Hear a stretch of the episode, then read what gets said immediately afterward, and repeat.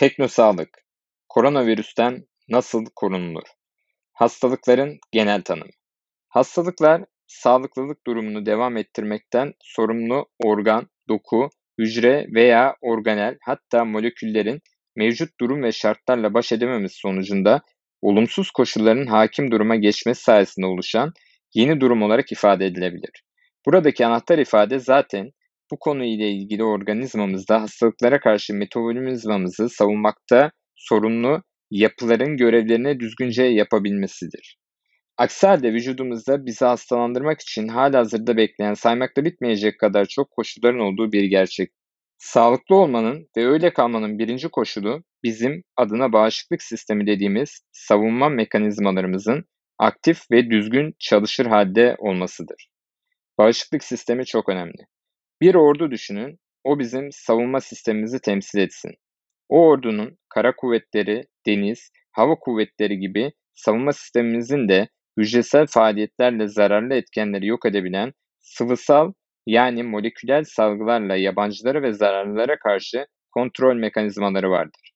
Dahası nasıl ordunun silahları, mermileri varsa bizim savunma mekanizmamızın da düşmana özel ürettiği molekül, şahsla münasır almaçlar ve protein yapılı maddeleri mevcuttur.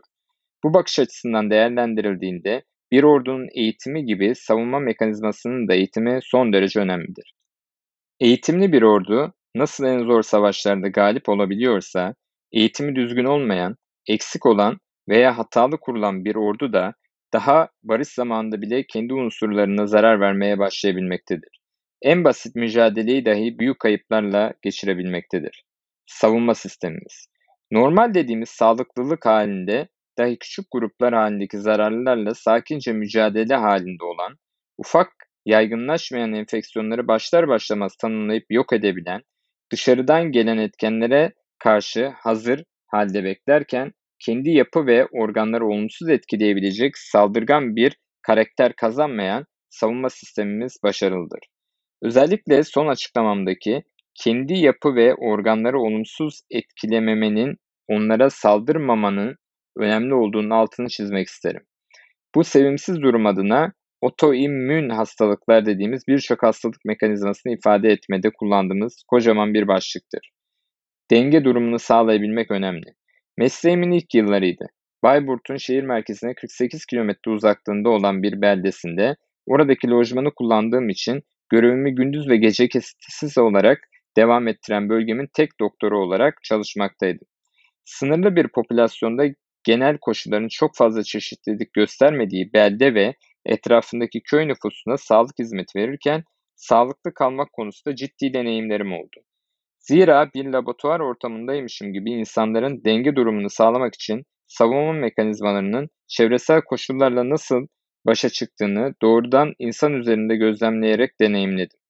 Yaşam koşullarının zor durum ve hastalıkla başa çıkabilmek için evrensel bir hediye ile ödüllendirildiğini söyleyebilirim. Bu durum savunma mekanizmalarının sürekli bir eğitim altında kalma hali olarak ifade edilebilir. Yaşanılan bölgeye vücudun savunma sistemi uyum sağlıyor. Aile sağlığı merkezimizin yanındaki köy evinde Yusuf adında henüz 5 yaşına yeni girmiş, kahverengi gözlü ve yaşına göre biraz çelimsiz sayılabilecek, üç kardeşinin en küçüğü tatlı bir çocuk yaşamaktaydı. Hanelerin ebeveyni diğer komşu ve akrabalarında olduğu gibi hayvancılıkla geçinmekteydi. Çalıştığım bölgede insanlar büyükbaş hayvancılık yaparken işin kolayına kaçıp sadece et besiciliğiyle uğraşmaktaydı. Oysa Yusuf'un anne babası ve dahi birkaç aile besicilik yanında süt inekçiliği de yapmaktaydılar. Bölge zamanında dışa ve özellikle yurt dışına bolca göç vermiş bir yerleşim bölgesiydi. Genellikle yaz aylarında akraba olan eski belde sakinleri yaşadığı yerlerden peyderpey çıkar, gelirler popülasyonu yeni ve ilginç mikrop ve antijenlere maruz bırakırlardı. Tabii ki bu bölgedeki flora ile temas ederek kendi iç savunma dengelerini geliştirmekteydiler. Gözlemlediğim bir unsur dışarıdan gelen popülasyonda romatizmal hastalıklar, otoimmün kökenli astım, irritabil bağırsak hastalıkları, Crohn, gluten hassasiyeti, çölyak ve benzeri hastalıkların daha fazla olduğuydu. Dışarıdan gelen misafir nüfusun sağlık merkezime mutlaka en az bir defa uğradığını deneyimledim. Diğer zamanlarda dışarıdan gelen nüfusa göre yarı yarıyadan daha az olan yerleşik nüfusun bütün kontroller ve kronik hastalıklar gibi takibi dışında yılda bir kez görmem asla mümkün değil. Şehir insanlarının bünyesi biraz daha kırılgan. Peki bizler, yani şehir insanları savunma sistemimizi çalıştırıp nasıl kontrol altında güçlü bir şekilde tutabiliyoruz? Bu sorunun cevabını toplu taşıma kullandığım sırada nefesi nefesime değen bir yol arkadaşımdan öğrendim. Benim şehir ortamında maruz kaldığım antijen ve hastalık taşıyan moleküller bir başkasından doğrudan veya dolaylı olarak gelmekteydi.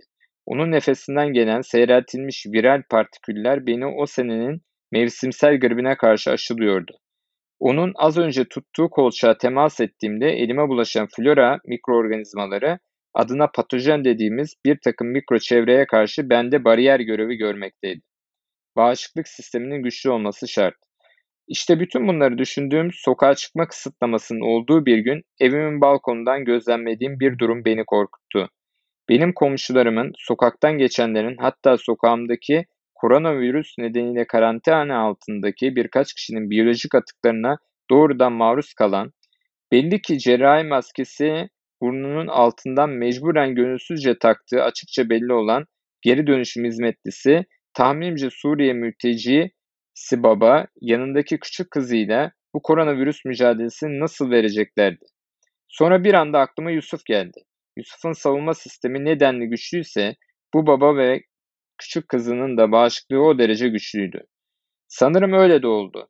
Koronavirüs pandemisi nedenli Türkiye'de ilk vakanın görülmesinden sonra Sağlık Bakanlığımızın hızlı refleksi ve kurumumuzun bu konudaki üstün gayretleriyle görev yapmakta olduğum kurumumda kurulan ilk başvuru çadırında bu görevimiz sonlandırılıncaya kadar gelen hastalık şüpheli şahıslardan hiçbirisi bu meslek grubuna dahil değildi. Ufak bir araştırma da yaptım. Diğer nöbette görevli doktor arkadaşlarıma başvuru yapan bu meslek grubu hiçbir hastamız olmamıştı. Bu durum beni hem sevindirdi hem korkuttu. Yeni medeni bir dönem başlıyor. Ne güzel, hepimiz insanlık medeniyetinde bir level'ı çok hızlı bir şekilde atladık.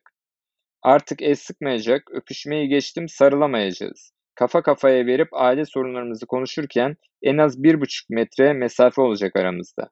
Bir odada aynı anda üç kişi birden fazla olmayacağız. Maske takacağız, karşımızdakine maske takacak, birbirimize nefesimizi asla 180 nanometrenin üstünde partikül taşıyarak temas etmeyecek.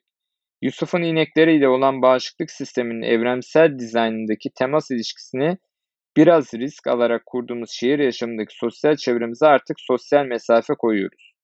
Umarım bu durum bizleri büyük hastalıklardan koruyacaktır. Ancak Modalyon'un diğer yüzünü göreceğimiz gün sağlık sistemimizin önündeki belki de bugünkü pandemi yükünün bindirdiğinden çok daha ağır bir yük olması en büyük endişemdir. Tedbirler bağışıklık sistemimizi etkiliyor. Koronavirüs tedbirleri denilen sosyal mesafe, maske, eldiven, antiseptik yani kimyasal içerikli solüsyonlar ve benzeriyle adına antijen denilen bağışıklık sistemimizin itman gücüyle temas ortadan kalkmıştır. Hayırlı olsun. Yeni dönemde tıpkı doğduğu günden beri kafesinde sadece ev ortamına maruz kalan muhabbet kuşumuzun açık doğaya salındığındaki başına gelenler gibi tehlikeler gözümü korkutmaktadır. Daha insanlığın kuş gribi gibi önünde çokça salgın hastalıklar olacaktır. Nezle nedenli ölümleri nefes almayı durdurarak önem, önleyemeyeceğiz. Bağırsak enfeksiyonunu nedeni ishal belki de en önemli ölüm sebebimiz olacak. Elimiz çizildiğinde cildimizin üzerindeki flora bakterilerimiz en büyük düşmanımız olacak. Ama hiçbiri tembel ve antijen yetersizliği nedeniyle doğru dürüst eğitilememiş bir bağışıklık sisteminin hatalı faaliyetleri olan otoimmün hastalıkların felaket adına yanına yaklaşamayacaktır. Umarım çok geç olmadan bunun farkına varacağız.